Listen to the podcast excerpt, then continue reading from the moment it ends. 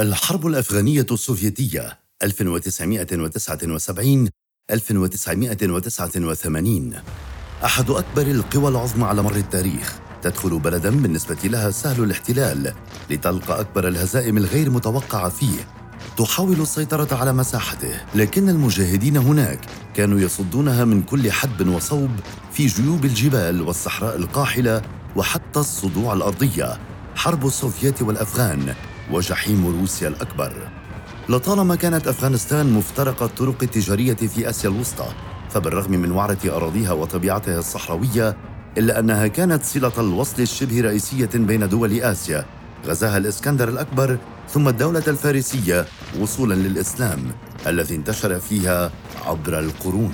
وصولا للعام 1933 كان محمد ظاهر شاه قد اعتلى العرش في أفغانستان وكان ابن عمه محمد داوود خان رئيس الوزراء في عهده من عام 1953 إلى 1963 في هذه الفترة تحديداً كانت شعبية الحزب الماركسي في البلاد حزب الشعب الديمقراطي الأفغاني في ازدياد كبير.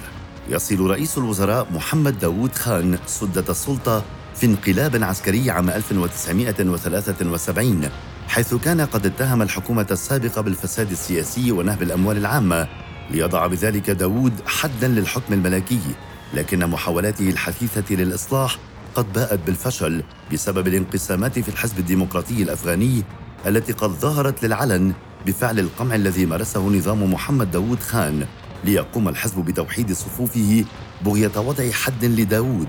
وفعلا في العام 1978 تمت إزاحته عن الحكم وأصبح نور محمد التراقي رئيسا للوزراء في جمهورية أفغانستان الديمقراطية حديثة التأسيس.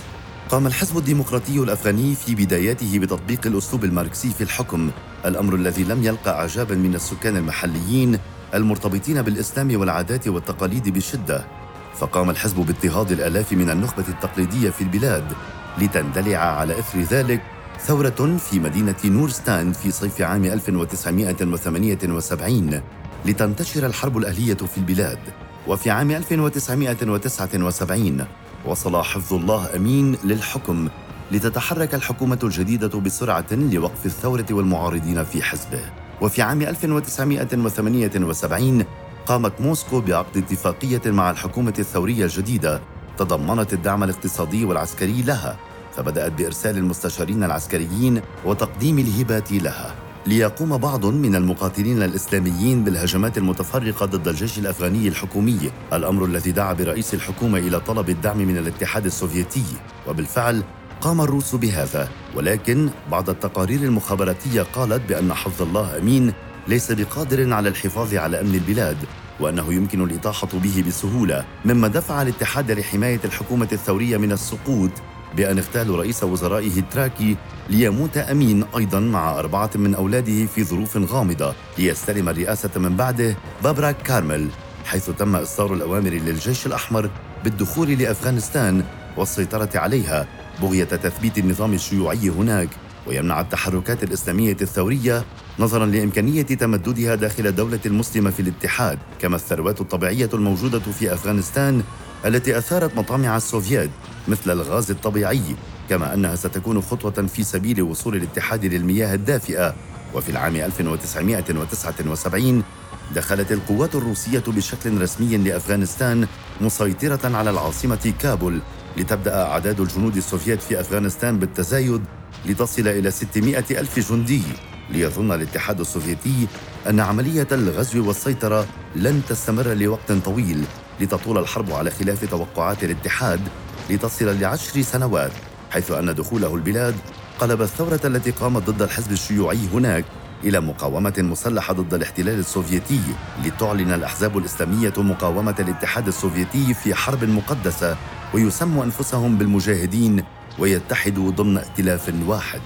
تبدأ المعارك الضارية بين الأحزاب الإسلامية والجيش الروسي والحكومة الأفغانية الشيوعية وذلك ضمن استراتيجية حرب العصابات خاصة وأن طبيعة الأرض في أفغانستان صحراوية وجبلية قاحلة لتكون الكمائن هي السلاح الفعال ضد الجيش الأحمر. فكانوا يضربون قوافل الجيش وإمداداته ويعودون لمخابئهم في الجبال حيث كانت أسلحتهم خفيفة ومتوسطة حصلوا عليها من الغنائم التي أخذوها خلال المعارك. لتجد الولايات المتحدة الفرصة في رد اعتبارها الدولي بعد هزيمتها في فيتنام لتقوم الأخيرة بإدانة احتلال السوفييت لأفغانستان كما وفرضت العقوبات على الاتحاد السوفيتي ليتطور الأمر بأن أمرت الإدارة الأمريكية جهاز مخابراتها بالمسارعة في تقديم الدعم للأحزاب الإسلامية كما الصين والباكستان اللتان كانتا تخافان المد السوفيتي. ليبدأوا بدعم المقاومة ضد السوفييت هناك. ليتم الدعم بالأسلحة من قبل الولايات المتحدة بشكل غير مباشر وعن طريق الصين والباكستان لتبدأ الدول الإسلامية والعربية بدورها في دعم الأفغان الإسلاميين أيضا مثل المملكة العربية السعودية وإيران كما شهد العام 1982 هجرة للشباب العرب المسلمين لأفغانستان بغية الجهاد فيها ليصلوا إلى 38 ألف شاب.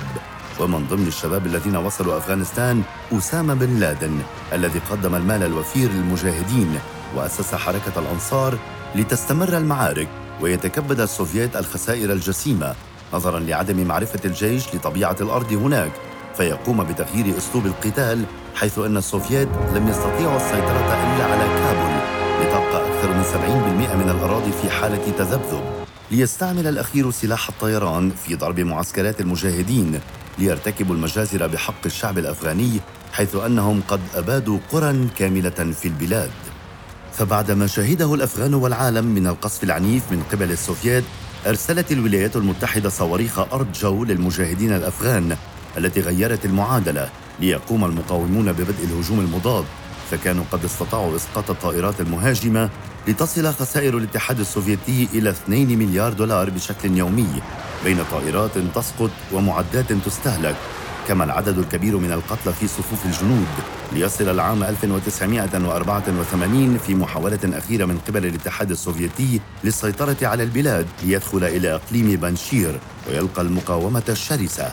مما أدى به للرجوع نحو مواقعه في كابول لتبدأ جيوش السوفييت بتلقي الهزائم تلو الهزائم في عدة أقاليم نتيجة الدعم الذي كان شبه عالمي للمجاهدين بأسلحة أكثر تطورا وأموال هائلة ضخ ليصل غورباتشوف سدة رئاسة الاتحاد السوفيتي الذي رأى بضرورة الانسحاب من أفغانستان ليعلن الاتحاد أواخر عام 1985 أنه سيخرج من أفغانستان ليتم عزل الرئيس بابراك كارمل ويستبدل بنجيب الله محمد.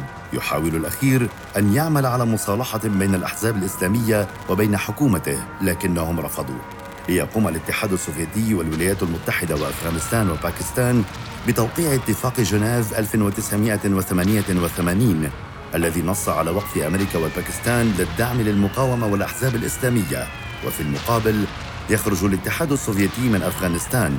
وفعلا بدأت قواته تخرج من البلاد عام 1988 وفي عام 1989 خرج آخر جندي سوفيتي من البلاد. مع خروج الاتحاد السوفيتي استمرت المعارك بين المقاومة والحكومة الرسمية حيث أن المقاومة لم تعر أي اهتمام لمحاولات المصالحة التي نادت بها الحكومة لتسيطر على أكثر من نصف البلاد. فيقوم نجيب الله محمد بالاستقالة والاختفاء عن الأنظار مما أدى لدخول قوات الأحزاب الإسلامية للعاصمة والسيطرة عليها عام 1992 وتشكيل حكومة إسلامية فيها. حرب غرق فيها الاتحاد السوفيتي بكامل عظمته وخسر الكثير من هيبته أولاً كما خسر الجنود والعتاد فكانت هذه الحرب الفاشلة ومعها عدة أسباب أخرى. أحد الأسباب الرئيسة في سقوط الاتحاد السوفيتي أواخر العام 1989 وبداية العام 1990